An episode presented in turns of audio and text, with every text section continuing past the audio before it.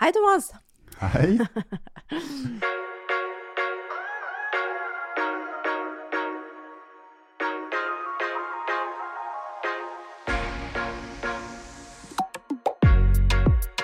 Hei og velkommen til eh, Alsgaard Olafsen. I dag så spiller vi den hjemme hos meg.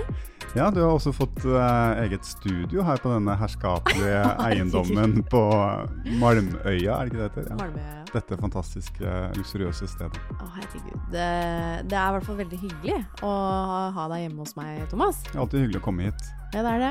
Jeg har jo alltid mye å by på. I dag har jeg kokt kaffe. Ja. Så har du brekt opp sjokoladebiter. ja. Og kjøpt en kurv med jordbær. ja. Den har faktisk ikke jeg kjøpt, men jeg har bringebær, da. Ja. Ikke sant? Så det er bra. Du, jeg ser at du har jo akkurat vært på Apex-samling. ja, det var jo veldig spennende. Og du har eh, bidratt med visdomsord og Ja, Apex er jo en, eh, det er en eh, e-sportklubb, da. Så det er jo gamere, som man kaller det. Så en helt annen kultur, eh, andre typer mennesker enn det jeg er vant til fra langrenn, da. Som er så det, det gjør det så spennende. Og så har du kokkelert for dem. Ja, jeg liker å lage mat, og vi må jo alle bidra Og vi har en sånn samling. da. Alle lager litt hver, da. Og jeg må, må bidra. Er det en slags kurvfest? Så alle tar med litt hver, og så tar du med Ja, spleiselag tenkte du på? Ja.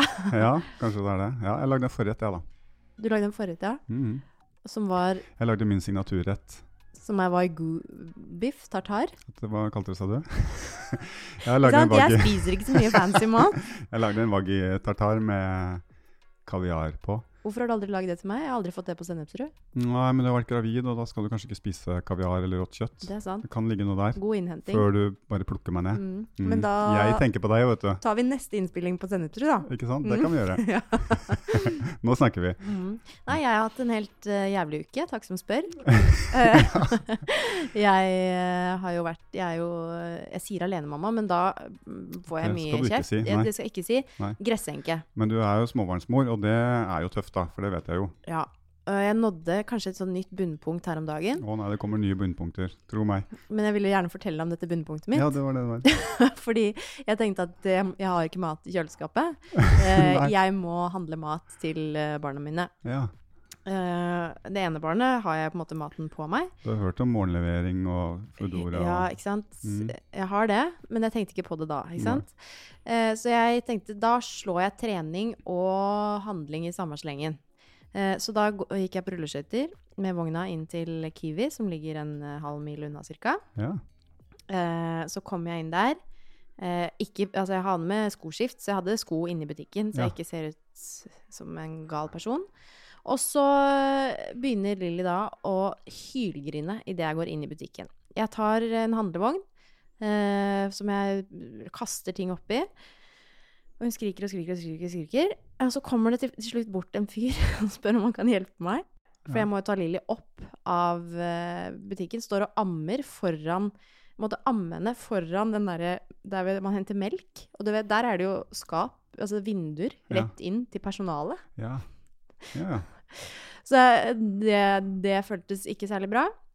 Så kommer han bort og spør om han kan hjelpe. Ja, takk, sier jeg. Så bærer han da eh, alle varene eh, bort til kassa for meg. Eh, jeg har aldri følt meg så takknemlig i mitt liv. Jeg. Eh, sølte ut alle pærene, Mm. men det gikk bra.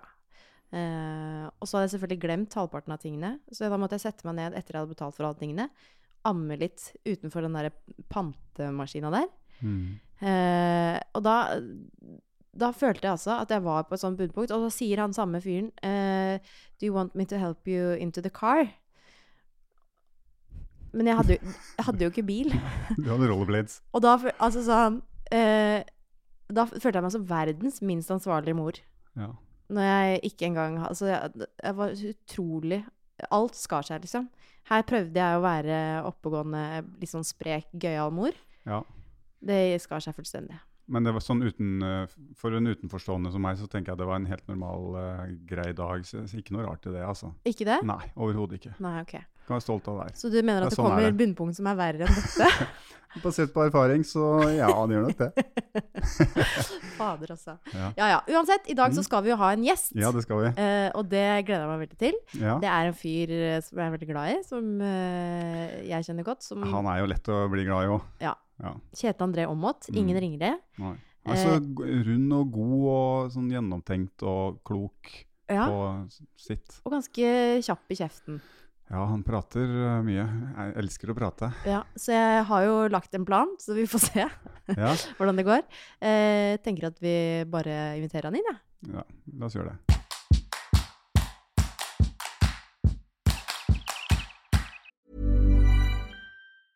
There's never been a faster or easier way to start your weight loss journey than with PlushCare. PlushCare accepts most insurance plans and gives you online access to board-certified physicians who can prescribe FDA-approved weight loss medications like Wigovi and Zepbound for those who qualify. Take charge of your health and speak with a board-certified physician about a weight loss plan that's right for you. Get started today at plushcare.com slash weight loss. That's plushcare.com slash weight loss. plushcare.com slash weight loss. Skal vi begynne? Skal vi ta opp alt? Vi er i gang, ja.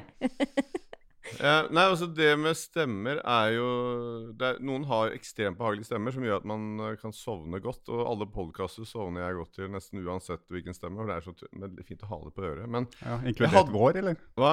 Inkludert denne? Ja, men det får vi se på. Jeg har ikke hørt på den ennå. Men Sam Harris sin er jo da favoritten til å sovne inn. Og, Morten Ramm sin uh, var jo veldig bra, den der kakla til du sovner. Men den er litt for morsom. Det Ja, må ja. jeg bli enig om, Thomas. Ja. det må roe seg. Det er ikke så morsomt. For da sovner man, ikke ler man og humrer litt. Men Men, har- eh, min, eh, min lærer på barneskolen som var, hjalp meg med matte hun var, hun hadde så deilig stemme, Helene.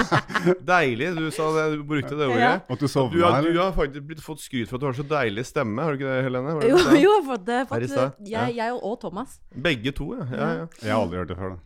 Nei. Jeg har aldri hørt noe deilig. At jeg er deilig på noe. si Jeg har sånn. hørt eh, det var en som sa at jeg hadde bra stemme til nattradio. Ja. Eh, Så det er jo litt i den gata. Men det har du òg, Kjetil, når du har kommenterer på, på NRK. Eller på, nå er det forskjellige kanaler nå, da. Nå er jo skidretten er jo spredt. ja. Du har bra kommentatorstemme, da. Det er sånn Ja. Ja, men altså det eh, Takk for det. Eh, jeg har hørt at Og kunnskapsrik òg, da. hører at så Folk skjønner nesten ikke hva jeg sier. Jeg mumler mye, er litt grøtete i stemmen og sånn. Og det kan være Jeg tror at de fleste som eh, er i hvert fall over 50, og nå har du fylt 50, ikke sant, Thomas? Ja. Jeg ble fått skryt spesielt én gang. Jeg gikk over Majorstua rett på vei til NRK, skulle kommentere. Så gikk det en dame med gåstol over. Hun var ca. 98 år. Og så kjente hun meg igjen. Stopp, stopp! stopp, stopp, stopp. Eh, å, det var, du, du, må fortsette å kommentere. Det er så, så fint å, å, å sovne til stemmen din og høre på den. Eh, på, det, er, det er den, så det er de, Ja. den eldre garden liker de. For de andre skriker sånn, skjønner du. Ja. Så, eh, så da tok jeg det til meg, at de, at de har fortsatt en mission in life for de eldre, for pensjonistene. Jeg er jo nærme pensjonsalder sjøl. De som skal Derfor- sove i, den, i sendetidspunktet. Ja, men det er jo det det er. Altså, den der Vinterkanalen altså, som, som, jeg, som det var tidligere, når alt var brede sendeflater på NRK lørdag, Ja. så går det i bakgrunnen. Og det er Ja. liksom Man står opp om morgenen, skrur på NRK, ja. og så har man en tur i butikken med NRK står på, og så gjør man litt Men Jon, husarbeid. Her- Jon Eivind Karlsen sa jo at det er et lydbilde. Så husk på det, sier han alltid til de yngre som kommer. Når nordmennene skal på start, da drar vi på! For da Ja. går folk fra kjøkkenet bort og ser på TV-en. Så um, Jeg blir også stoppa fortsatt av og til av eldre damer, sånn type 98. Men Ja. da er det ikke kommentator. Men de kommer fortsatt til meg, så sier de å, Thomas, vi gleder oss sånn til vinteren. Vi skal sitte foran skjermen og heie på deg og de andre skiguttene ta, vinne gullmedaljer. Og så er, De første årene så var det sånn, ja, hyggelig å høre, men jeg, men jeg la opp, liksom. Men nå har jeg ikke hjertet til det lenger. Nei, nei, nei. Jeg bare sier ja, men det er hyggelig å høre. Ja, vi skal gjøre vårt beste. ja, men nå er jo liksom, NRK som har mista rettigheten nå. Nå kjører de jo på med langløp og norgescup og sikkert noen veteranrenn. Så nå må det inn i manesjen igjen. Det blir jo en million seere på det. Worldcupen fader jo ut ennå. Ikke det at eh, vi egentlig trenger noe oppvarming. Vi har lagt opp til litt oppvarming i dag, eh, Kjetil. Ja, men det jeg skulle si om den deilige stemmen, da. Eh, Ja. til hun der på matten. Så jeg, jeg, altså jeg spurte jo om hjelp hele tida, for det var så behagelig å høre på. Hun gi meg de rådene. Ja, men Kjetil, her er det sånn, ikke sant. Så plutter du deg ned der, og så kom jeg opp der. Så låner du litt sånn. Så det, det var eh, Og det er faktisk Men lærte du Det er noe? noen eh, Jeg skal ikke name-droppe noen nå, men det er et par stykker jeg kan navnet på, som eh, er litt småkjente, som har veldig sånn deilig stemme. ja, men nå må Ja. du jo name-droppe. Som er veldig behagelig. Hvem, er- er, hvem er det? Det er faktisk uh, Astrid Lødemel. Hun har veldig sånn behagelig Ja, stemme. men hun Ja. har så fin dialekt også. Ja, Ja, Ja. hun er en av de. hun var jo alle guttas drøm, hun, altså. ja. Er hun ikke litt fortsatt det? Jeg er jo gift, så kan nesten ikke uttale meg om det. Nei, men hun Nei, er hun, ja, altså, hun, hun, jeg skulle skal si, love deg at på alpint så var alle var forelska i Mm. Astrid. Det er Ikke noe tvil om. Astrid Løddemer. Astrid. Mm. Så kom Helene Olafsen, så- husker du henne? Erlend er, Ja, så kom Helene Olafsen og tok over. Men eh, Erlend Lødemel, som er broren, da, som kjørte litt mot meg og tjuseren og sånn, han var jo veldig sånn uh, protective, da. 'Astrid, nå skal du heim!' Altså, da kom Så hun drev og data litt tjuseren, husker jeg, tidlig i tenåra der. Og da var Erlend Han skulle ha tjuseren ut av det rommet. Det var ikke noe snakk om. Det, er jo mye, skal, det skjer jo mye på treningssamlinger og på v-cuprenn rundt omkring. Da, og det dannes jo ganske mye sånn par internt. da. Men det har ikke vært så mye alpint, egentlig. Det er jo fordi at det er delt, ikke sant? Det er, det er Å, ja. sånn i langrenn nå. Nei, kanskje ikke langrenn, men i alpint så er jo det er bare første rennet, og så drar man på hver sin kant, og så Ja. møtes man til VM og OL i midten. Og, så, og det er ikke mesterskap hvert år heller, og så er det finalen. Ja. Så det er ganske få par. Skiskyting derimot har det jo vært veldig mange, Ja, for de reiser sammen hele tiden. Ja. Men det jeg hørte, da så jeg og Lasse som kjørte alle grener i alpint, vi la oss veldig tidlig. For du måtte opp klokka seks, ikke sant? Så du orka ikke det der eh, kjøret. Så eh, vi hørte eh, biografien til Maria Rich, da. Ja. Som var Det var pornoturen. Det var helt ville tilstander på den der dameturen. da Ja. Og vi bare, Jeg og Lasse så på hverandre. Hvor i helvete har vi vært? Vi har jo gått glipp av all moroa, tydeligvis. da Ja, men det, Ja. disse sakene kommer jo opp hver gang det er OL også, for da er det sånn Da er det pornoland i OL-villagen, men det har aldri jeg lagt merke til. Nei, Ja, nei. kondomforbruket er Ja, liksom det er millioner av Ja, ja, ja, ja, ja, Det der Jeg tror det er overskrifter. Du det. vet hvordan media. De overdriver, vet du. For det var jo en egen sånn Tinder, eh, Tinder-search Men- inne i OL-landsbyen. Det du kan si om, om på alpint jenter, da, så er det jo alle utøverne er jo jenter. Eh, mens støtteapparatet er gutter. Ja, Ja. Mens på herrene så er utøverne gutter. Støtteapparatet er også gutter. Ja. Så det har vært én eller to fysioer som har vært kvinnelige. Og de ble tatt med en gang. De ble, Are Torpe, blant annet. Han er nå gift med en, den ene fysioen de har hatt noensinne. ja, Var det sånn du satt og vurderte, men toget gikk før du Jeg var, ikke, eh, altså jeg var langt bak i køen, det skal jeg Ok. love deg. Ja. De korte beina mine. Det var ikke lett å bli, bli sett da. Aldri Men- klart å bestille en øl i baren engang, jeg, med de korte beina mine. Hvorfor kunne det ikke vært flere kvinnelige ledere, Ja, trenere i Ja, alpint? da? ja, men Det er jo generelt i idretten. Det er jo for få av de. Og generelt som styrer verden nå, hadde det vært mye mer fred. nå er jeg veldig flink til Ja, det- politisk korrekt. ja, veldig politisk korrekt. Det var veldig ulikt deg, egentlig.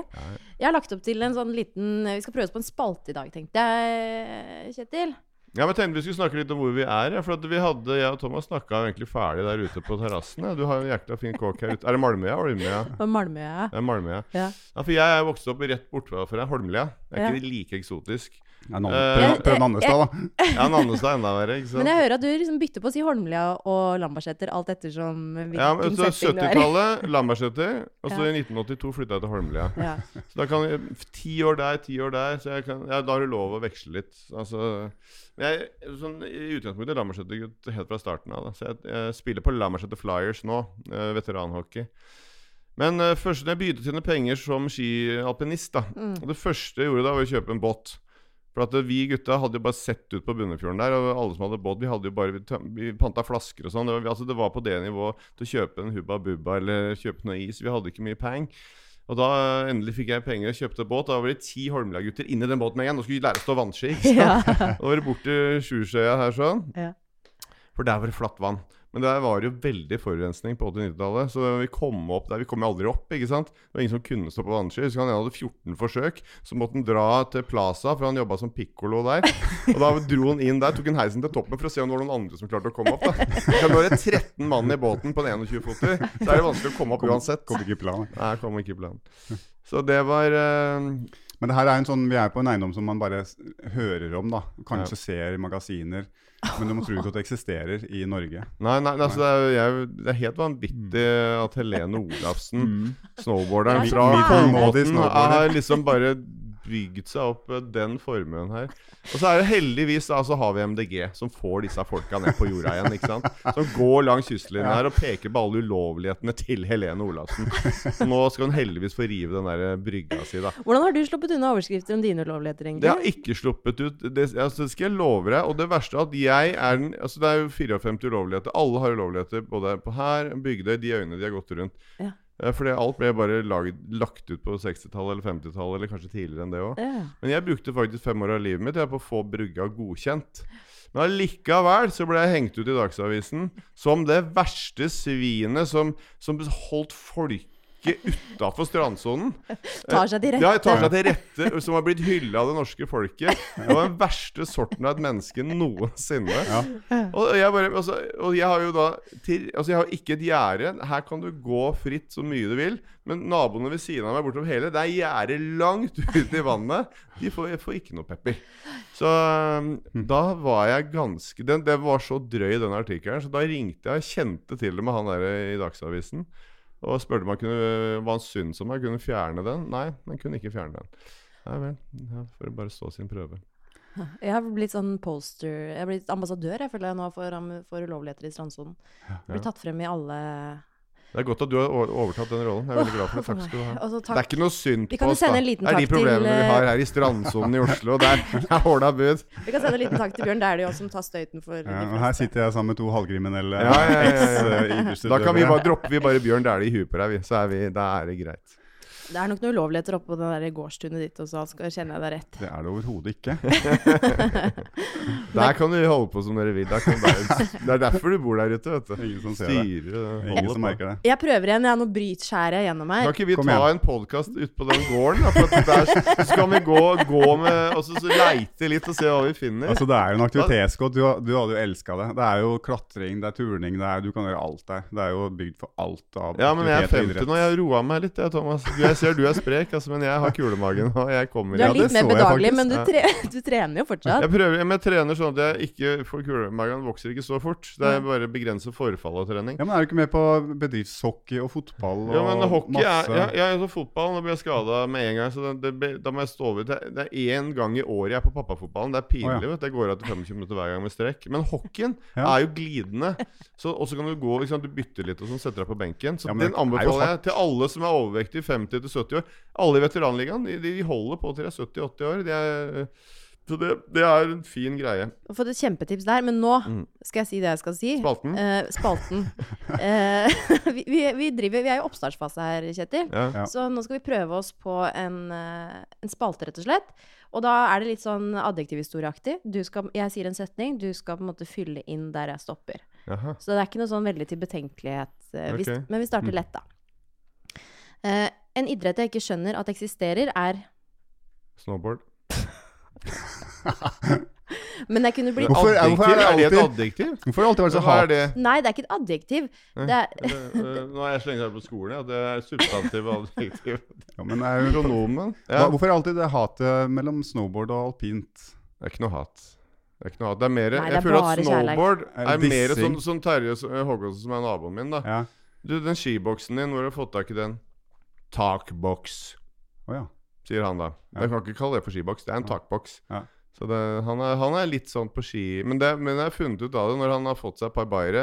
Du veit, jeg var jo alpinist vet du, i starten. Terje var jo det. Ja. Så ble han alltid nummer to Ja. eh, ute der uh, Åmot, det kommunen der han bodde. ja. Så da ble det snowboard. Men har du prøvd snowboard? Hadde hadde det vært fristende, eller var det fristende noen gang å liksom ta et brett og melde seg på i bordercross og bare grisebanke disse seggebukseklysene fra Altså Hadde jeg klart det, skulle jeg gjerne gjort det, men, men jeg har prøvd snowboard, og det er jo helt helvete. Ja, altså det Du er er så låst, det. er vanskelig. Så jeg, Ja. Men det er jo ganske bratt læringskurve, så jeg Ja. skjønner at folk kan bli bitt av det etter hvert. Og så er det det beste med snowboard er jo den der å kjøre ned et fjellside når det er powder. Ja, at det du har det, det er så bredt, ikke sant? du flyter oppå på en annen måte. Du danser jo Og så er det ganske bra å ha korte bein i snowboard. Ja, ja, så jeg kunne kanskje gått glipp av talent der, altså. ja, men jeg, tror- Jeg tror det. jeg tror ikke halfpipe er jo ikke noe, men jeg tenker sånn bordercross, liksom. Det er ganske likt alpint, da, på et vis. Ja, Du har liksom svingteknikk og ja feeling. Ja. Bilistene har jo stjålet den idretten fra oss. Kunne vi ha, for hadde vi fått det til til vinteren, tror jeg, et oppgjør mellom dere der? Ja, ja, ja. Mellom oss. Ja, selvfølgelig mellom dere. Ja, men På- på ski det og snowboard, men det jeg skulle si, var at Wetten Dass i Tyskland eh, Så hadde de Den spalten kan du bare drite i, Helene. Wetten Dass i, i Tyskland, så, så var det sånne veddemål som man kunne vedde på. Eh, og Det ene var for at Marco Hangel, som var en sånn tidlig super-G-verdensmester i 1989, skulle kjøre kortsvinger ned en bakke. Så skulle en kar slå han kjøre baklengs kortsvinger, sånn at han klarte flest på et strekning. For eksempel. og så ene var Michael von Gryningen. husker du han? Ja, ja. Han var verdens beste storslalåmkjører. Han skulle kjøre mot verdensmesteren i snowboard parallell. Ja, Uh, og da, så da var det en duell, da. Ja. Rett og slett. Og jeg har snakka mye med Terje, og Terje mener jo at snowboard går fortere enn enn. Det jo, mener jo, han på et visst punkt. Han har sett Tomba kjøre og tapt noe greier. ja. Uh, men for å si det sånn, han, han snobber, da, han sleit litt mot Mikael von Grüningen. Så det var liksom Det var sju porter, han var tre porter bak. Ja, Så, så det går ikke kjempefort i forhold. Så det jeg pleier alltid å si Ja. Sånn som jeg, snowboard og halfpipe og alt det, det er jo kult, men å kjøre storslalåm på snowboard Ja. Det skjønner jeg ikke. For det blir for meg som å løpe 100 meter med slagstøvler. Altså, Du må velge det utstyrene som går fortest, eller raskest, Ja. tenker jeg da. Så altså, er en ikke-sport, egentlig. Og litt sånn her er vi, ja, Så er vi også litt Gå til langrenn nå. Nå Nei, ble jeg upopulær her. Ja. Nei, men altså, hvis du har sprint, da, Ja. ikke sant, så tenker jeg Uh, Greit, det er jo kult, men hvorfor skal du ha klassisk sprint? For at du, du må du, du kan, Vi har jo ikke slalåm i to forskjellige stilarter, uh, på en måte. Nei, jeg er helt enig i det. Så, så da må du ta det, i hvert fall i sprint, så må du i hvert fall ha det som går fortest, og så kanskje kutte Jeg hadde enda vært sprint. Ja, det er jo, ikke, det er jo Nei, nei. melkesyre herfra til månen, da. Ja. Men dere har jo fått en liten sånn tullegren dere også nå, har dere ikke? Den, Vi har, ja, men vi har mange tullegrener, men vi har ikke to stilarter i, I en, en tullegren, nei. på en måte. Så det, vi har jo slalåm og solham forskjellig distanse på. Du Ja, men jeg kan, og jeg den- mener du kan godt kutte ut i i det. Hva tenker du på? Mix slalåm. Har vi mix slalåm? Har du ikke det? Er det ikke sånn Mix parallell? Mix Ja. parallell, ja. Ja. Ja, det er en tullegrein. ja, ja, mix parallell uh, lag. Ja, det er for å prøve å få den lagfølelsen inn, da. Men, de Men beste vil jo ikke være med på laget. Nei, det er ingen som vil være med, så da undergraver de sin egen greie på det. da Er ikke det litt utfordring i alle idretter nå, egentlig? At de alle vil ha liksom mer, og så blir det sånn utvanning. Ja. Man hele tiden fyller på med en øvelse til øvelse til for å få mer oppmerksomhet. Ja, Vi er jo ja. bitre på det, Thomas. Ikke? For det var litt sånn Det var litt mer, ikke så ofte sjanser på å ta disse medaljene i gamle dager, ikke sant? Nei. Og, og, eh, og det var færre øvelser og sånt. Da var den, den da hadde mer verdi. At du bare har fem Ja, ja, ja. eh, VM-gull og fire OL-gull. Nå er det, nå er det inflasjon, ikke sant? Men det jeg, jeg tenker som så, bare kjør på. Altså. Show must go on. Og folk vil bare ha noe å se på. Ikke, jeg tenker, altså det er, så jeg mener at det er helt greit hvis det funker. Folk Ja. vil ha det. Så mener jeg hva man skal pøse på. Jeg, med, med, det er bare idrett og, og et show, egentlig, først og fremst. Men det skal være fair, og det skal være seriøst. Det er ikke det jeg sier, men øh, ja, den, den der, Men det var ikke så lett man- å tenke det når du var aktiv sjøl, at dette Nei, er bare show og underholdning. Nei, nei, nei absolutt ikke. Absolutt ikke. Og man, man har jo den derre Det er mange aspekter å, å, å ta vare på. Altså, men det viktigste er jo at sporten faktisk har livets rett. At du Ja. faktisk kan leve av sporten din. Ellers så må du jo begynne å studere og jobbe ved siden av. Og da, eh, så det at man er heldig Vi var jo heldige som kunne leve av det, på en måte, og, Ja. og gå 100 inn i det. Og det var en Ja. morsom tid. Men Ja. hvis vi for eksempel, vi velger å begrense Vi, bare, vi tar VM, så er det bare to øvelser. Da er det over på en helg, da. Ikke sant? Så, så Jo, men vi har jo fortsatt da nordiske grener bare VM annethvert år, f.eks. Ja, Det det er har andre vi. idretter som har det. Jo, Vi har det. vi har det. Jeg, sa jo jeg sier jo ja, Ja, ja, nordiske grener, Ja, okay, ja, ski, ski, Altså, nå blir det nordisk gren. Ja. Ja, men, det, men skiskyting er jo helt kriminelle. Alltid, der, De er kriminelle. ja, de, har, de har VM hvert For når så- ikke de har distansen i OL-pakka, så kjører de VM helga etter OL. Men det er ikke skøyter enda mer kriminelle? De har jo kortbane og langbane. Og ja, de er har jo- så mange mesterskap at det går helt i surr. Men eh, jeg, jeg, er all for it. jeg, altså. så det er bare å kjøre på både skiskyting og skøyter. Det var Kjør kjempebra kortsvarsoppgave. Uh, hvilken idrett tror du at du kunne blitt skikkelig god hvis du hadde starta tidligere? Nei, altså Hockey er jo på en måte den idretten jeg syns har vært morsomst å drive med ved siden av alpint. Så det viktigste, hvis du har interessen for noe, så tror jeg du kan bli ganske god. Mm. Men jeg spilte jo bare på Løkka på Lambertseter. Uh, så det er alt jeg har lært, var fra jeg var sju til ti år. Men, men eh, jeg, jeg spiller jo nå veteranhockey. Og gutta ler sikkert av meg. jeg er sikkert dritdårlig, men, men jeg har det gøy med det. Men spilte du organisert da, eller spilte du bare på Løkka, sånn Bare som på Løkka. jeg gjorde, og som alle gjorde? Bare på Løkka. Ja, og opp i Så første hockeykampen spilte jeg etter karrieren. Ja. Eh, Sånn ordentlig, da. Så, mm. Og Hver høst når isen la seg, det var åpent i råken og sånn, var man oppe og hoppa Ikke for langt ut på råken, men Ja. Og det gikk bra. Ja, ja, ja. Nei, men altså, det var jo altså, Hockey er Hva er råken? Er det, er det der hvor isen blir til vann, eller? Innløp og utløp, så fryser du sist, vet du. Ja, ikke sant? Os? Eller uh, går opp først. Ja, Ja. jeg må bare Ja, ikke sant? Da har jeg lært noe nytt. Vi har mye å lære av disse Men, bøndene. men alle spilte hockey på Løkka. Ja, men når jeg sitter her med 250 pluss, vi vet du, så må man stille Ja. spørsmål. Men vi hadde ikke, Allikevel vi hadde ikke ikke telefoner og sånn. Ikke sant? Det var jo Løkkekulturen var jo veldig sterk. sterk ikke Ja, men vi fikk jo ikke noe hockeylag av det. Noe, noe internasjonalt. eh, Hvorfor gjorde vi ikke det i Norge, tror du? Nei, altså det er uh, vanskelig altså, Bare Jeg tror hockey er en veldig liten idrett i Norge. Det er jo veldig få som begynner med det. Så mengden av utøvere kan ha en viss betydning. Men eh, nå har du sett danskene har jo begynt å slå oss og, og, og gjør det ganske bra. Så hvis, hvis du, selv om det er få, så hvis du tar godt vare på dem, så er alt mulig. Ja. Eh, men det er klart vi har Zuccarello i NHL som eneste nordmann, og så har Sverige 100 og, Jeg vet ikke hvor mange de har, veldig mange i hvert fall. Men der er det også 20 ishaller, bare et lite område i Stockholm. Mens eh, det er vel bare 20 ishaller i hele landet her omtrent. Så ja.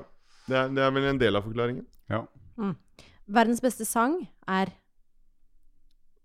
Verdens beste sang uh, Er det ikke, Nei, er det du, ikke du vil ikke tenk, Tenker jeg riktig nå? Du vil ikke til Ludvig da? Nei, nei, nei. nei, Nei, nei, nei, Det var altså, jeg- Nei. Den derre Du er ikke der.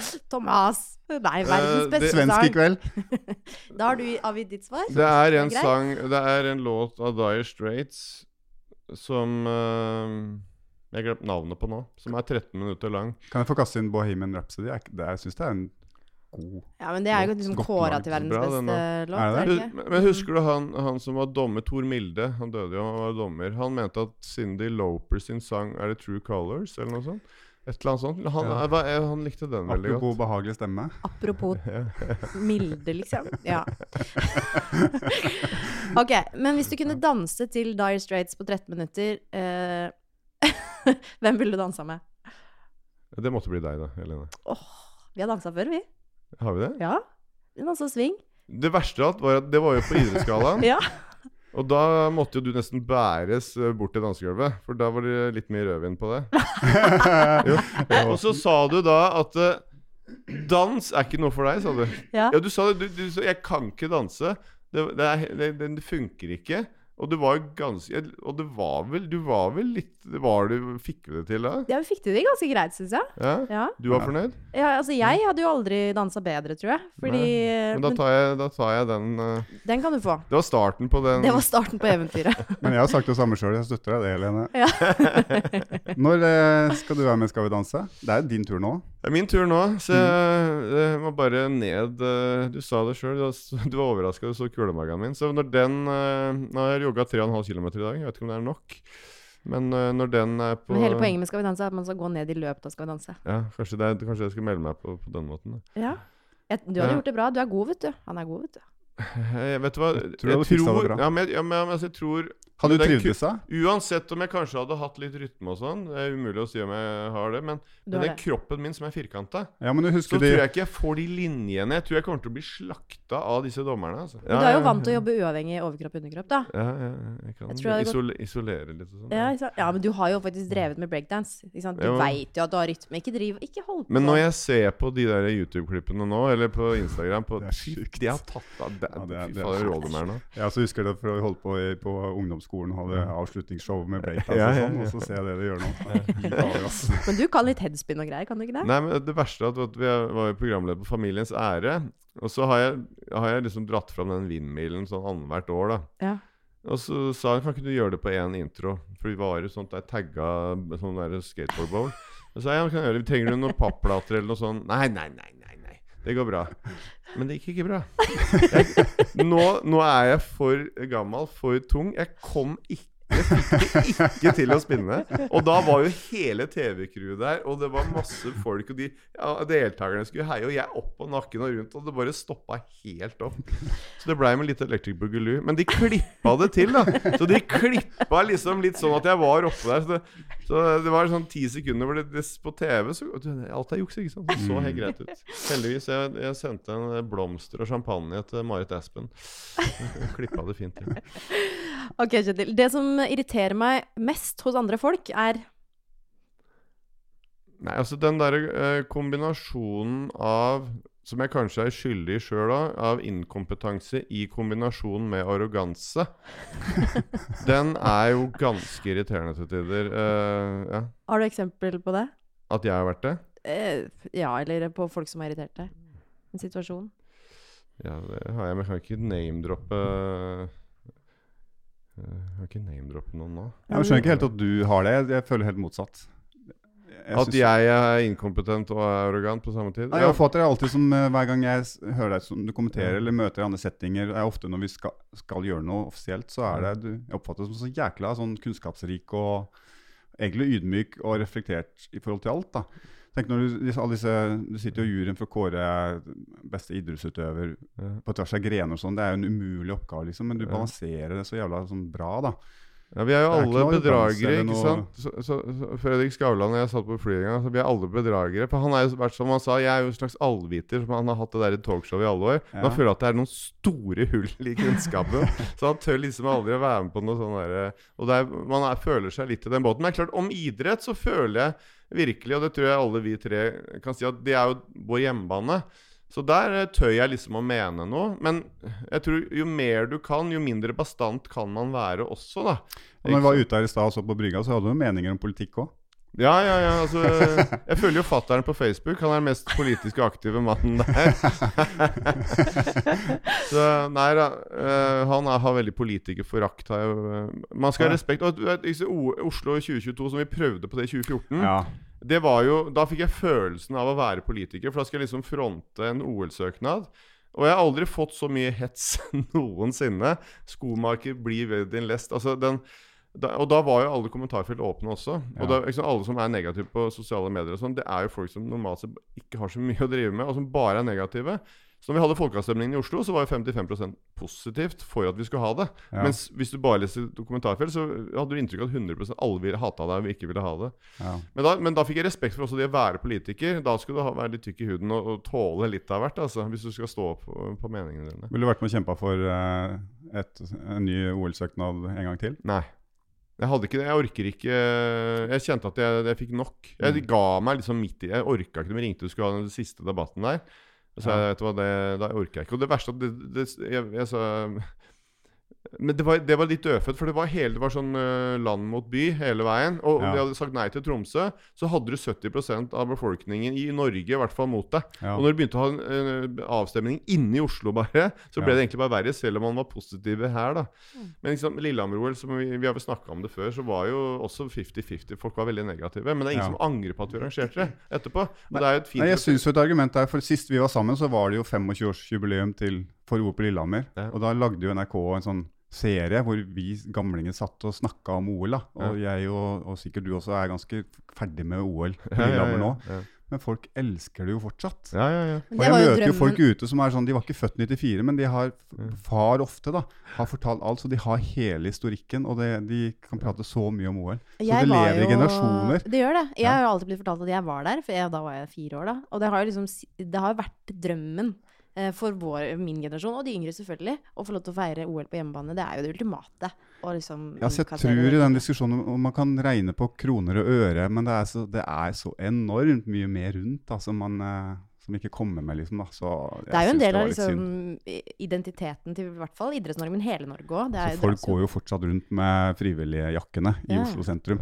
ja, ja, de er jo mer populære nå. Hva gjorde vi i 1994? Vi hadde Lillehammer-OL. Hva gjorde vi i 1995? Jeg husker ikke. Altså, det er, Derfor så tror jeg det er fint. Også, Mm. liksom når, når, det var jo både privat næringsliv, det var det offentlige, og det var de frivillige idrettene ikke minst, som arrangerte det. Og det er jo liksom, Når vi drar sammen i samme Mm. retning, så får vi til ting som er, som er kult, og som får synergi. Mm. Så Folk i form Og så er det jo veldig at media styrer jo veldig hva, hva man skal ha fokus på. Skal man bare ha fokus på at det er et pampevelde? Det vil alltid være pampevelde. Det vil alltid være Mm. feil folk i politikken uh, mange steder i verden uh, hele, til enhver tid. Men uh, man kan ikke slutte å, å skape ting og, og prøve å få til noe, selv om ikke alt går helt perfekt hele tida. Ja, jeg syns vi kan la fire pamper få en egen eh, kjørebane inn til byen Ja. mot at eh, en million barn og unge i Norge får nye drømmer. Ja, ja, helt Det er klart. det verdt. for det var jo veldig Mm. mye av argumentasjonen på den Jeg husker det var mange som sa sånn Ja, men eh, vi trenger jo ikke OL, men vi trenger jo anleggene. Så folk tenkte Ja. jo liksom at hvis man ikke Altså at, det var, at man kunne få de anleggene selv om man Ja. ikke arrangerer OL, men det skjedde jo aldri. Nei, og det er bedre vi bruker pengene på noe annet. Men det handla ikke om det ene eller det andre. Nei. Nei, Men det ble en OL-pod, dette her. Det ble det. Ja, ja. Eh, neste spørsmål. eh, ingen lukt er bedre enn lukten av En kvinne. Oi. okay. Nei, du, eh, jeg trekker det tilbake. det uh, nei, 'Duften av en kvinne' er ikke en film med han Al Pacino? Nei, Sense lukt Woman, ja. Nei, men altså jeg, jeg har en eller annen lukt som jeg er veldig glad i. Uh, om det er en parfyme eller om det er noe annet, jeg er jeg litt usikker på. Kan det være en vin? Ja, Jeg- kan, kanskje det er en vin? Du er god på vin. Jeg er ikke god på vin, men jeg er veldig glad i vin. Ja, så den Det er to forskjellige ting. Ja, fordi jeg fikk en sånn Montrachet. Jeg er dritdårlig på vin sjøl. Ja. Men den der bensinlukta den, Når, når den, den vinen er driti så er det, liksom, er det riktig? Altså, Ja, det er gam, litt sånn- gammel sånn... Riesling. Blir sånn petroleum. Ja. Sånn båtkai, liksom. Der du fyller bensin med båten. Ja, ja. Det er, det er gammel Riesling. Det lukter sånn petroleum. Ja, ja, Det er digg. ja så det er jo det, så, så, Kanskje bare stå på en bensinstasjon. Ja, bensin er jo- Veldig mannete lukt. Kommer ikke unna at bensin lukter godt. Ok, Hvis jeg våkner midt på natta, så er det stort sett fordi Jeg må pisse. altså, nå, er jeg, nå må jeg faktisk uh, Er det den alderen? Jeg må få en finger opp i rumpa snart. Fordi prostataen må være litt forstørra nå. For at nå, nå tisser jeg så ofte. Men det er jo egentlig viktig å ta opp. Altså, Vi må sjekke den, gutta. Vi må Ja. sjekke den. Og jeg, jeg fikk faktisk Når jeg var 30 år, fikk jeg en Var hos fastlegen. Kjetil sa han de aller fleste får en finger og menn får en finger opp i rumpa før de er 50. Du er bare litt tidlig ute, sa han. Så det er på tide å ta en sjekk igjen. Ja, Mm. få det i kalenderen. Mm. Eh, det er vanskelig å holde tårene tilbake når Mange ganger, men det, jeg er veldig svak for film. Kan jeg begynne å gråte av? Av musikk gråter jeg. Jeg gråter når jeg ser på The Voice. Det Uh, så jeg er den typen. Jeg er Matoma. Altså, jeg og Matoma griner på samme Og jeg gjør akkurat sånn som han. Jeg tørker ikke vekk tårene, jeg bare lar det renne nedover. Og så Morten Ramm uh, Morten Ramm irriterer seg over det, men det er bare, jeg bare lar det bare komme. Men har det alltid vært sånn? jeg. Ja, jeg er ganske lettrørt på de tingene der, uh, absolutt. Så, men jeg har ikke Altså, kona mi så meg gråte første gang eh, etter ti år. Vi har vært sammen i ti år, så gifta vi oss. Jeg gråt i Under bryllupet. talen da, Ja. som jeg hadde så, syv minutter, så bare Det bare, det bare Tårene bare. Ja. Eh, og det handlet jo kanskje først og fremst når man liksom takker av barndommen litt. grann. Ja. For at det er så sterkt. Eh, og du merker hvor de bånda du har til mutter'n og fatter'n og sånn, er eh, Så da bare stoppa det helt opp. Men griner dere av sånn OL-kavalkader og sånn?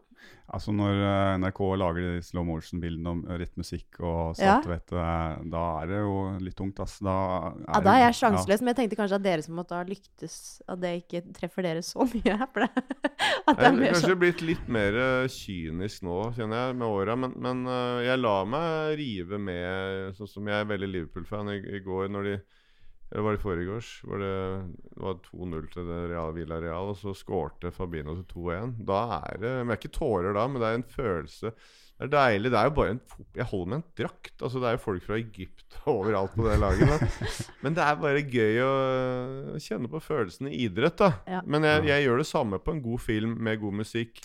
Mm. Uh, så det er deilig å kjenne at man lever litt, uh, selv om alderen begynner å bli tære på. Og jeg satt eh, på fly til Thailand og skulle klatre og så på Star is Born. Grein som en unge. Det var Den har jeg ikke sett. Da må, da må jeg se den. Ja, da du garanterer at du kommer til å grine. Ja, deilig. Ja, jeg griner og jeg, har- jeg ler av deg, men jeg le- greiner jo som en unge sjøl. Ikke sant? Begge gangene jeg har sett Ja. den, faktisk. Det var en film jeg, jeg, for det, Kona mi jeg ser aldri på TV eller noen ting sammen. The Voice ser vi.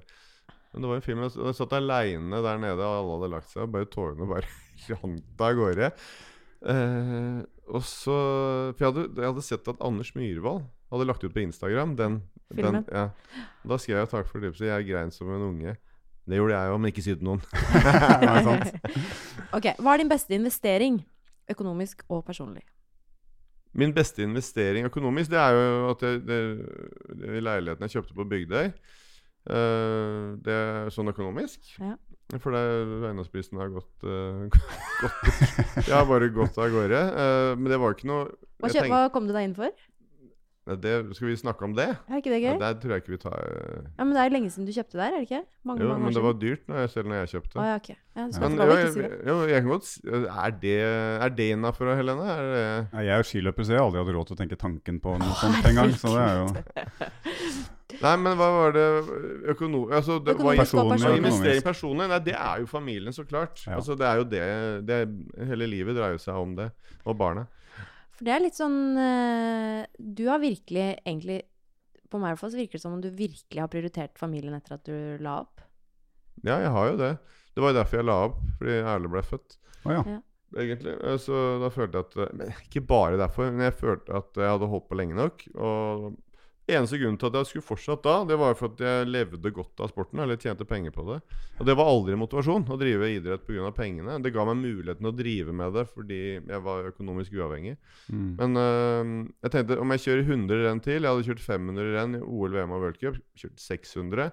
Kanskje brekker jeg ryggen, blir lam. Altså, kanskje jeg vinner medalje til, kanskje ikke.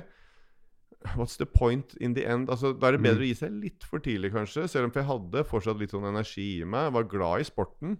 Men det var ikke så viktig kanskje å, å prøve å vinne igjen. Det var det ikke. Mm. Uh, og så kjente jeg på samlingene. Tjuserne hadde gitt seg. Hele min generasjon hadde gitt seg. Og ja, da tenkte jeg at uh, Aksel Lund Svindal var nest eldst. Han var elleve år yngre enn meg.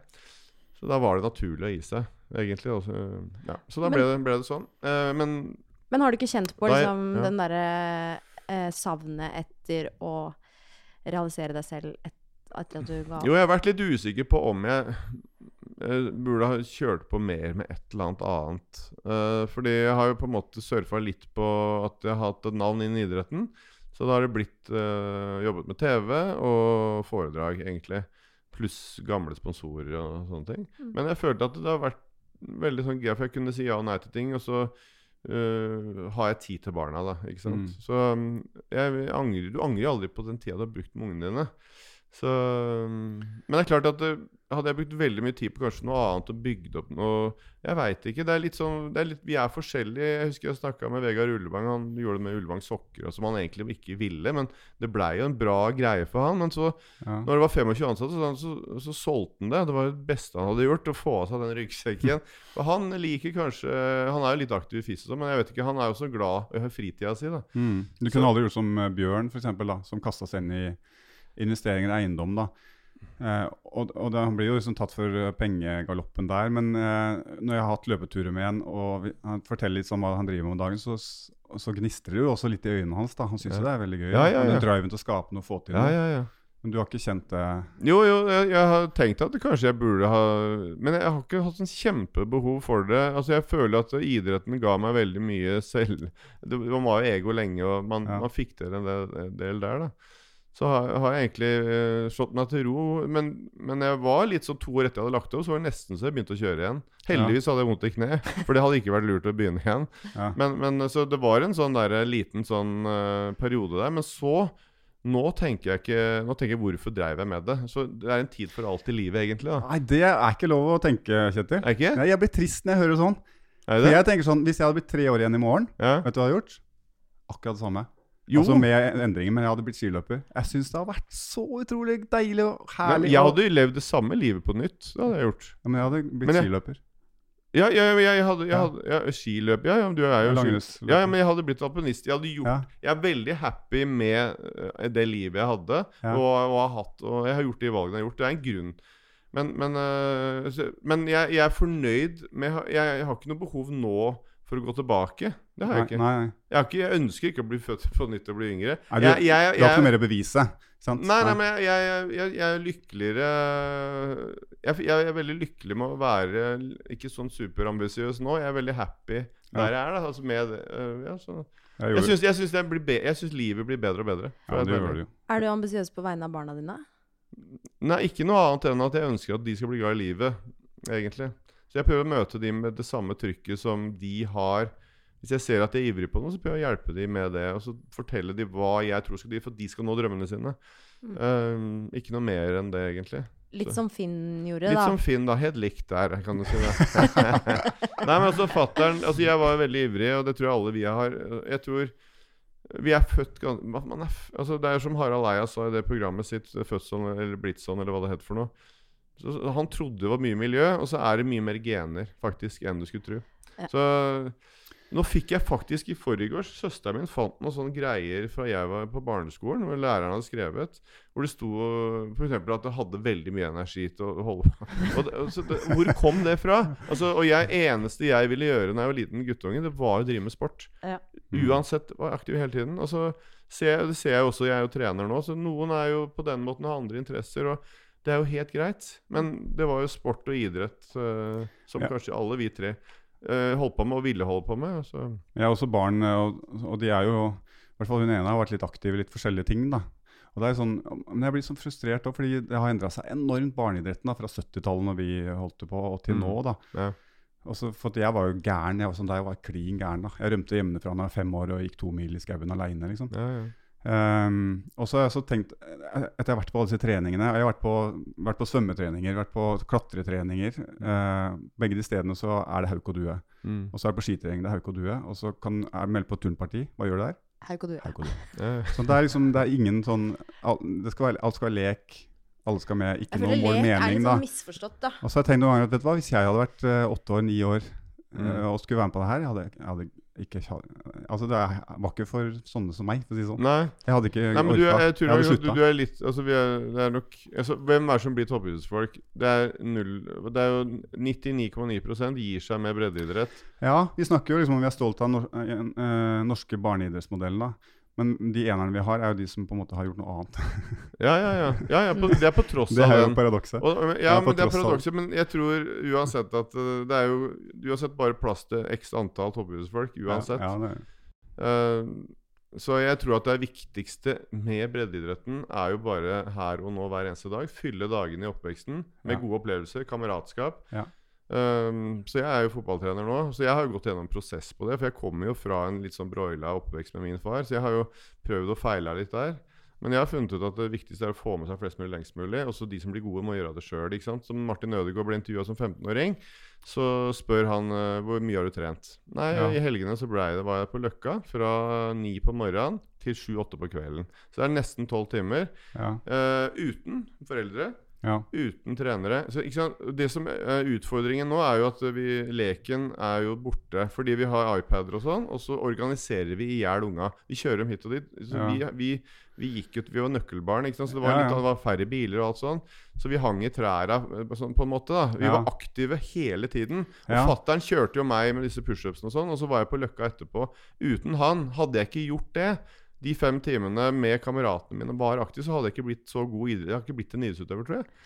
Så, um, Men nå som du trener unge selv, da, hva er det, er det, hvilke feil er det du prøver å liksom unngå? For du Nei, jeg prøver du Jeg prøver, jeg, jeg prøver bare å og at uh, alle skal være velkomne. Så på min fotballtrening så sier jeg bare kom når du vil. Altså, Kommer du for sent, du er velkommen. Du kan spille bare kamper. Kom til annen omgang. Du skal få være med uansett. Eh, og så differensierer jeg litt, det gjør jeg. Men da har jeg hvert fall, føler jeg at jeg gir likt tilbud til alle, og mest til de minst ivrige. Og så er alle velkomne. For du vet aldri hvorfor en kar kanskje ikke kommer på trening. ikke sant? Eh, så det er dumt av meg å drive jeg skal, Hvis jeg skal toppe og gjøre alt mulig rart for å vinne en cup eller noe sånt med det laget, og så er det fem stykker som hopper fra en bro fordi de har hatt en ulykkelig oppvekst på Bygdøy, så har jeg mislyktes. For det har jo ingenting å si egentlig hvilket nivå vi spiller i. For foreldra møter opp, de aner ikke om vi spiller i nivå 1, 2 eller 3 de, i fotballen. Det viktigste er at vi har en litt sånn god mestring da, der og da, tenker jeg. Nei, Vi er mye flinkere i dag til å ta vare på alle. Men det er, sånn, det er en utfordring å gi alle rett type utfordring og- hele tiden. Ja, og så tenker jeg at Kjempeutfordrende. For guds skyld, du kan gjøre masse feil, og folk kan få Og det går stort sett bra likevel, altså. Ja. Så det er lov å prøve seg litt, og det er lov å være litt gæren. Men du må ha den der eh, litt kjærligheten, må du ikke glemme der, at det er mennesker, at det er en oppvekst, at det er, er egentlig Altså De gangene jeg har vært sur når vi har tapt en kamp, så er bilen etterpå. De har jo glemt det. De ungene er jo høyt og lavt baki der. Det er bare jeg som er deppa. Ja, De andre de, de har glemt det. Men apropos lag, da. Eh, dere to har jo begge eh, vært med på å eh, lage eh, kulturen i to av verdens beste lag. Noensinne, kanskje? Jeg tror begge har hatt gleden av å få være i ganske sånn velfungerende lag. Gode, gode kulturer. Så jeg liksom sånn Jeg synes det har vært Altså, man snakker mye om lag. Det finnes jo masse sånn oppskrifter på hva et godt lag er, hva en god gruppedynamikk er, sånn, men det, det er jo litt mer sånn flytende i idretten. Det er litt mer sånn Det er ikke nødvendigvis skrevet ned eh, i stein, men allikevel eh, så har jo dere vært med på liksom ja, Dere har vel hatt hver deres rolle, sikkert. Men Ja, jeg tenkte det hadde vært gøy å liksom prøve å lage noen sånn street-regler på hva som Ja, det er jo Om det er felles ting. Jeg leste for et par år siden sånn eh, Harvard Business Review om on teams. Og de skiller på lag og, og team, da. Ja. Og da var det, da leste jeg det kom halvveis i boka, så er det sånn Dette er jo dette er jo juniorlandslaget i 1989. Dette er jo langrenn har jo, Eller jeg har jo vært i den kulturen. Og så kommer Business Harvard Review med den nå. Husker du Eller hva, hva Ja, det er jo den eh, at uh, blant annet eh, kverulanten er jo det viktigste gruppemedlemmet. Du må ha noen som tør å si imot. Ja. tø de kreative diskusjonene skal være takhøyde, og det skal være en Mm. energi Mm. imellom. Harmonimodell er jo det, det minst uh, altså Det er destruktivt. Ja. Ja. Masse sånn derre Ja, veldig spennende, da. Mm. Men uh, jeg kom jo inn i det på, I 93 kom jeg inn i det, og da var det på en måte etablert litt. da. Det var en snuoperasjon 1990. Um, ja, etter at eh, Sverige hadde dominert fullstendig på 80-tallet, og det måtte tas grep. Og så var det Bjørn Dæhlie som var den drivende kraften egentlig den gangen der. altså. Var det sånn hos dere òg? En enkeltperson som uh... Ja, vi hadde jo Furuset, da. Så Ja. det er jo det jeg snakker litt om når jeg holder foredrag, egentlig. Det er jo den sånn fire uskrevne reglene som vi, jeg følte vi hadde. Og det var jo lederskapet til Furuset, fordi han var den mest hardt arbeidende. Så du, det er jo ikke alltid sånn i idretten, spesielt i tenåra, at den beste kan være best fordi han har hatt et høyt aktivitetsnivå, har gode gener og sånn. Men det er, jo, det er jo ofte eh, den der mengden og holdningene, verdiene, arbeidskapasiteten som over tid eh, stort sett gir de beste resultatene. Så du må trene mest og best, da. Ehm, så det var Furuseth, en, eh, en som liksom viste oss vei. da eh, som en, Han var plutselig best i verden i 1989. Og da og var jo han en kar som ikke hadde vært like god, men jobba mest tidligere. Så folk uh, smilte litt i skjegget av Ole fordi han var kristen og levde asketisk og sånn. Leste Bibelen på do. eh, høyt.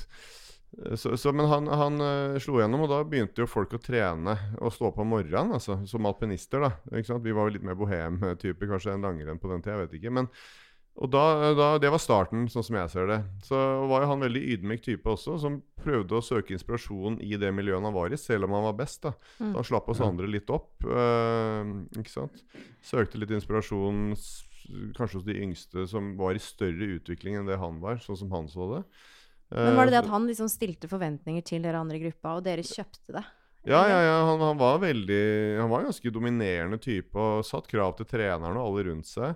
Men var også veldig sånn ydmyk uh, i tilnærmingen. Svindal også var en samme typen da som Mm. holdt i den kulturen seinere.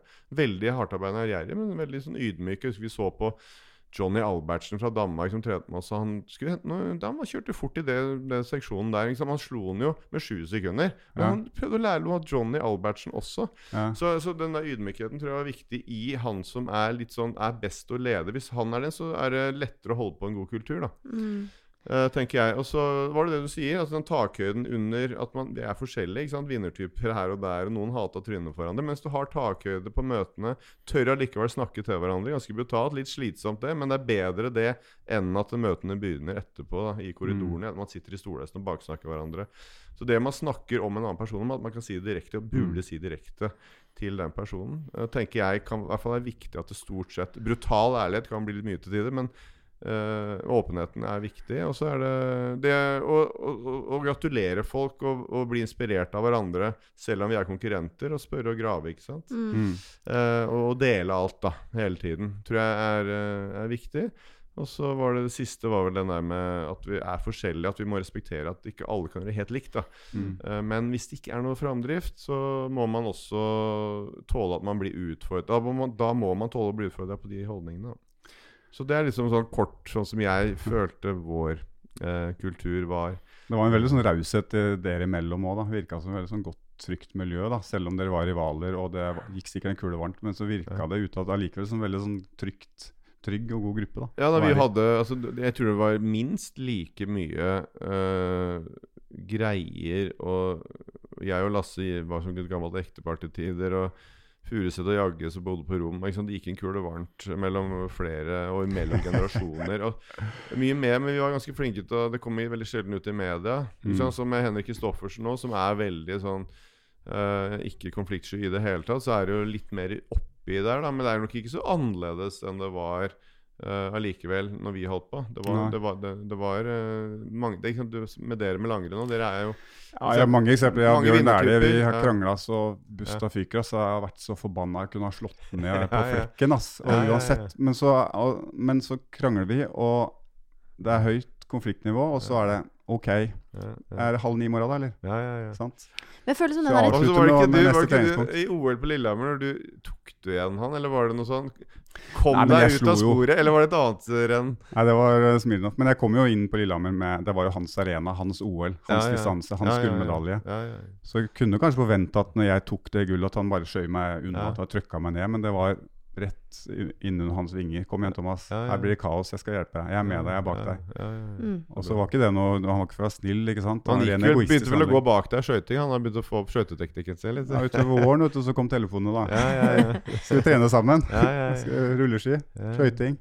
Du først. Men tror du ikke at sånn, den der tonen er himla viktig? Fordi sånn, hver gang jeg møter deg, Kjetil, så, så får jeg jo passet påskrevet på en eller andre måten. Og det er litt sånn, jeg føler det Jeg har jo reist med gutter hele livet, og jeg føler det er eh, mer vanlig hos gutta at man liksom har en røffere tone generelt. Og da er det også lettere å si ifra eh, når det gjelder ting i laget, eller? Ja, og tenker du på kulturen blant på gutter Ja. kontra jenter. Ja da. Nei, men det er vel litt sånn uh, Garderobesnakket, liksom? Eller Ja, jeg tenker liksom kanskje at det er litt sånn undervurdert. Fordi det er kanskje, altså, sånn, når man melder på hverandre hele tiden, Mm. eh, så er det også lettere å kanskje Ja. Spesielt ishockey. Er, er med, der er du nødt til å ha selvironi i garderoben. De er helt rå til det, og det, det begynner veldig tidlig.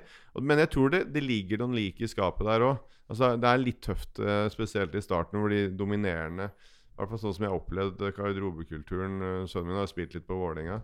Men, men når du først kommer over kneika der, så er de utrolig rause og veldig sånn spøkende. Men de er veldig tar vare på hverandre. da Ja, det må ligge noe i bånn der Ja. som er trygt allikevel. Da Ja. kan du på en måte ha den friheten, tror jeg. da.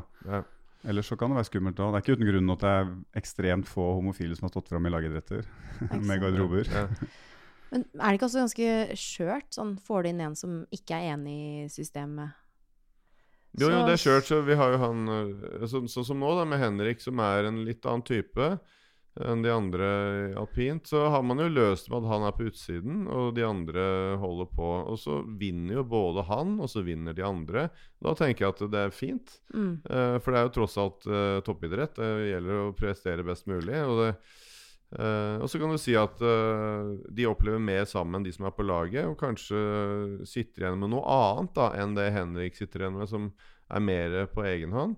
Men uh, jeg tror ikke han bryr seg om det etter karrieren, Henrik. Han er ikke den typen.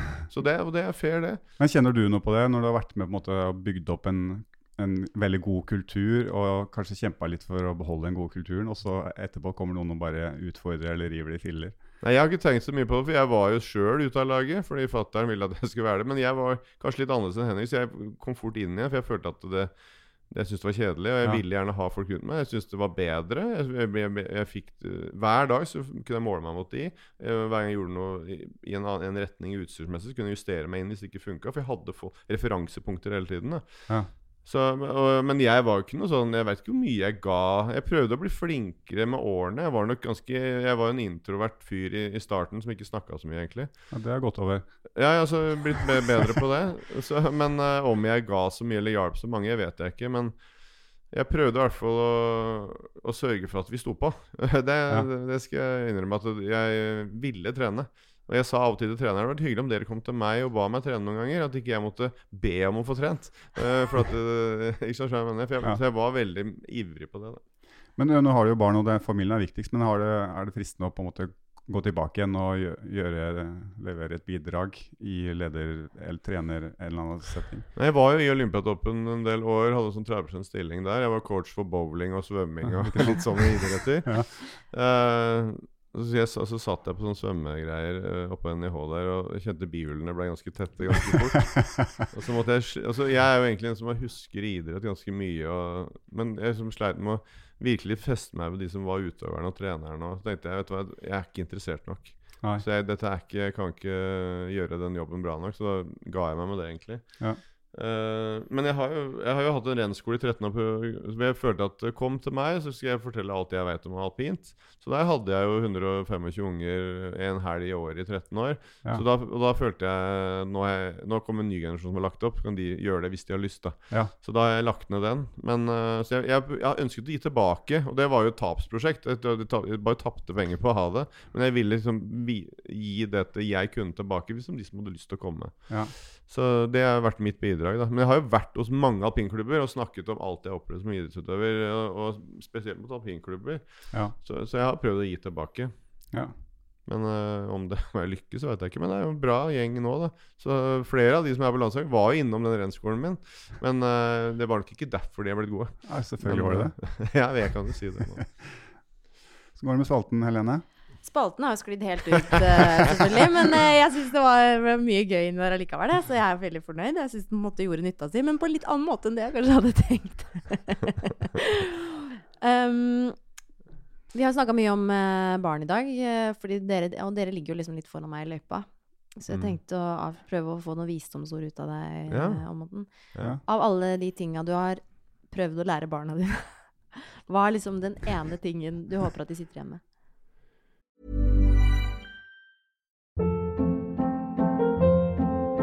Hold up. What was that? Boring. No flavor. That was as bad as those leftovers you ate all week. Kiki Palmer here, and it's time to say hello to something fresh and guilt-free. Hello Fresh. Jazz up dinner with pecan-crusted chicken or garlic butter shrimp scampi. Now that's music to my mouth. Hello Fresh. Let's get this dinner party started. Discover all the delicious possibilities at hellofresh.com. Nei, altså jeg, jeg håper jo bare at de blir glad i livet, som jeg sa i stad, egentlig. Uh, og så ønsker jeg at de skal bli trygge på seg sjøl, da. Uh, Men hvordan lærer du dere å bli glad i Nei, det, livet? jeg vet ikke. Jeg vet ikke om jeg lykkes med det. Jeg er usikker. Jeg, eh, det eneste jeg kan gjøre, tror jeg, er å tilbringe tid med de og vise at jeg er glad i de.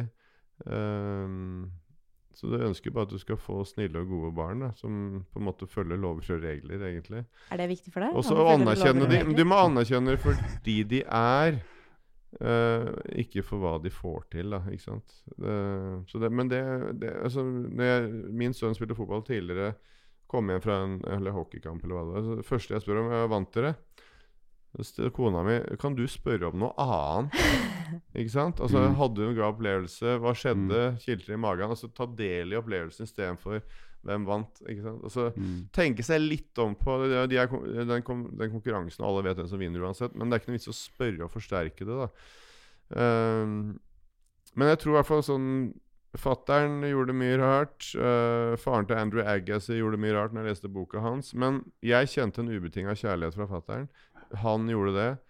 Så hvis du er eh, Da kan du gjøre veldig mye feil, eh, så lenge du er til stede. Men ikke gi unga dine 10 000 kroner og dra på hytta og tro at eh, ting går bra hjemme for tidlig. Altså det, det er bare å prøve å unngå de groveste feila der. Så, så tror jeg det å ikke lei liksom et uh, security-selskap for å passe på huset ditt når de har fest. Uh, fordi at du skal dyrke deg sjøl på en annen fest et annet sted. Det, det er sånn, sånne type ting. Ja. Jeg tror jeg kanskje de, Da kan det gå litt uh, Men selv for de så kan det jo gå bra. Ikke sant? Så har du Jens Stoltenberg, Nini Stoltenberg. En statsminister, en som havna på kjøret. Så um, samme type familieoppvekst, da. Men det er klart, de hadde jo karriereforeldre, begge. De var jo kanskje ikke så mye til stede, jeg vet ikke. Liksom, men det er jo ikke noe fasit her. Og, og, som Harald Eia sa, det var mer gener i hva folk blir enn det Så gi ungene medisin, vann og, og eh, Hva er det han sa for noe? Rent vann, medisiner og kjærlighet, sa han, tror jeg. Husker jeg ikke, det er lenge siden jeg så det programmet. Mm. Så blir de det de blir de 19 år uansett, mente han. da Mm.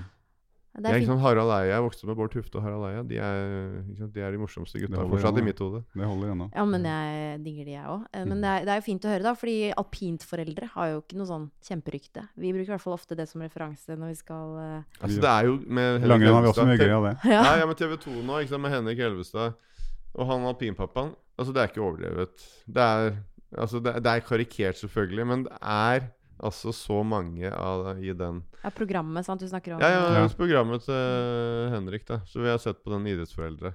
Men hva, hva feiler det alpinforeldre?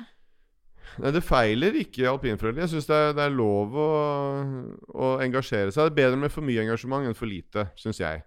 Eh, Men det som er spesielt med alpint, er at det er veldig kostbart. Eh, Så det betyr at det er ganske mange med veldig mye penger som eh, kanskje velger denne idretten, har muligheten til å velge denne idretten.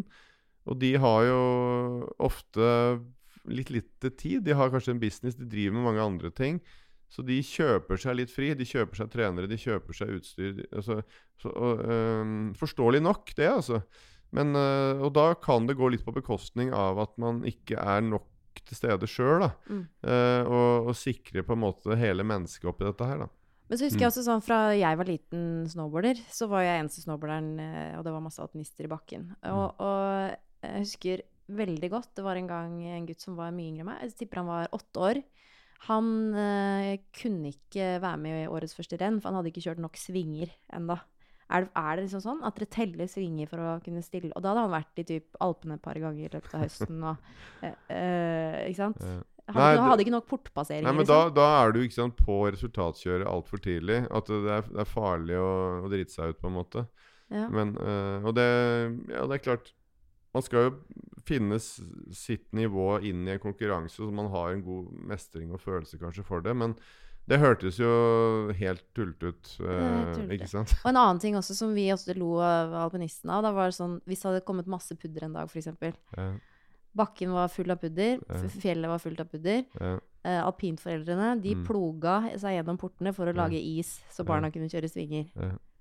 men altså, Der er jeg skyldig, for å si det sånn. Fordi hver gang det var sånn snøfall, så åh, deilig jeg kan ligge, bli liggende i senga. det var såpass mye Det var når jeg var voksen og var altså World Cup-kjører. da. Eh, For da Men er noen, sånn som Darren Ralph og Mm. en del av de andre sånn amerikanere Wow! Da brukte hele han og kjørte powder og sånn. da Skal si noe som gleder ditt hjerte, for jeg var jo motsatt. Det var det. Ja. Jeg og Tor Arne Hetland hadde som oftest med snowboard i bagasjen også når vi var rundt på World Cup. Og kom det. Vi var i Østerrike og det kom en halvmeter snø på natta. Så, så trente vi ikke langrenn den dagen. Da var det rett i bakken å kjøre offpist. Ja, Men du gjorde også det som kid, gjorde du ikke? Jo, jeg kjørte jo Da, ha- da hadde vi ikke breie ski, da, så vi hadde jo måtte ha snorkel. Og så har jeg hatt Jeg har egentlig hatt to gode skidager i mitt liv. Den ene var på Hemsedal. Det var egentlig en hel juleferie på 80-tallet hvor det snødde altså helt sjukt. Og, og, og det var over huet mitt, altså. Ja. Og vi hadde de tynne plankene, så vi sank jo bare rett ned. Så mista jeg skia, husker jeg. Det var mulig å finne den etterpå. Men også var det etter karrieren i Lech hadde jeg en dag hvor jeg hadde skikkelig feite ski. da uh, og da var jeg akkurat lagt opp, så jeg var i skikkelig god skiform. Og da, Det var med guide og sånn, så det var veldig gøy. Og så har jeg hatt én tur til hellesking i Canada med Tom Mm. Stiansen. Han har sånn årlig tur, da. Og da var jeg veldig uheldig med været. Men første dagen så var det knallbra. Kjørte vi i skauen bak en sånn østerriker som var guide. Han hadde ikke hansker, ikke lue, og dro på. Og det var bare ekslandslagsløpere. Det var jævla gøy. Da hadde vi 16 løft den dagen. Da kunne jeg dratt hjem. Det holdt med én dag for meg. Ja. Så um, Men, jeg, men uh, Mia hundene som bor ved siden av Terje, som hele tiden kjører fortsatt Hvorfor gjør ikke du det? Hvorfor drar ikke du Altså hvis Jeg skulle Jeg, jeg la jo opp fordi jeg skulle være hjemme med familien. Jeg kan ikke drive og fly og, og dyrke meg sjøl lenger. Og da hadde jeg heller begynt å kjøre faktisk igjen. Jeg syns det er mer kick. Da hadde jeg, da hadde jeg, nei, da hadde jeg kjørt ordentlig World Cup og dratt på Ja da, det var ikke det jeg mente med spørsmålet. Det var mer den derre eh, om man tar fra liksom, Ja, barna leken for tidlig. Fordi det blir for seriøst jo, jo, jo. for Jeg er helt enig. Og, da- og da, da, da For å si det sånn, fattern Når jeg overvåket med han, så var det frikjøring, skogløyper, powder hele tiden. Altså vi kjø jeg kjørte veldig lite løype kontra mm. mange av konkurrentene, egentlig. Uh, og nå er det blitt veldig mye sånn løypekjøring. Så er uh, Sånn som vi har en som kom på landslaget nå, Fredrik Mm. Møller. Han har vært veldig svak i årgangen 2000, samme som McGrath og Bråten. Kjørt veldig mye frikjøring, frikjøring, frikjøring. Og nå Mm. blomstrer han plutselig, og det er gøy å se. Så alle har ulike Du kan utvikle hele livet hvis du er ivrig, ikke sant? Mm. Så du må ikke Jeg var veldig som vær må være god tidlig, og det er klart mange av de store legendene var gode veldig tidlig, men du har unntak også. Både Miller Herman Mari alpin, 25 år, første gangen de vinner på høyeste nivå. 25, altså. Mm. Eh, Og er en av de største legendene. Så øh, det er mange veier til målet. Så jeg er helt enig med deg. Kjør powder den dagen. Ja, ja, ja. Det er nydelig altså, nå, nå må vi avslutte, fordi du er jo fotballtrener. Du skal Ja, jeg skal ha trening nå om et kvarter. Ja. Men, jeg, men de har det så gøy, og de er så opptatt av så mye. Ja. Så jeg bare står og ser på de et kvarter jeg, før jeg liksom blåser i fløyta. Og selv da så kommer de ikke. og, eh, altså, de er, og da tenker jeg Drit i det, bare la de holde på. De holder trikser litt og snakker røverhistorier. Så altså de For at det, hvis de skal bli gode, så da måtte de ha stått sjøl i hagen hele tida. Det er ingen av de som gjør det. Mm. Uh, og da tenker jeg Da gidder ikke jeg å late som vi driver med toppidrett. Nei. Men uh, da spiller vi på det nivået vi spiller, og har det gøy. Og så gjør jeg det de syns er gøy på trening, for da tror jeg jeg kan holde på de lengst. Hvis jeg er veldig sånn Nå skal vi skal trede ut en ball og Altså nei, det, det, det funker ikke. Blir hauk og due, da. Kjør Det hauk og due. dag. Kjør hauk og due. Godt tips. Jeg skal Ja. ta i dag. Ta den i dag. Hilsen Thomas Alsgaard.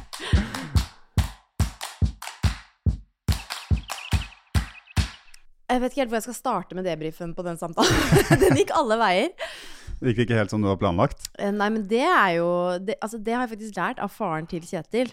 Eh, at det viktigste er å ha en plan. Det er ikke så veldig viktig å følge den. Ja, det er helt riktig. Det er en sånn uh, toppidretts uh, eh, det. Ja, det er kanskje det. Mm, det var Men, først eh, når du har en god plan og en klar struktur, da oppnår du handlefrihet. Vi, ok.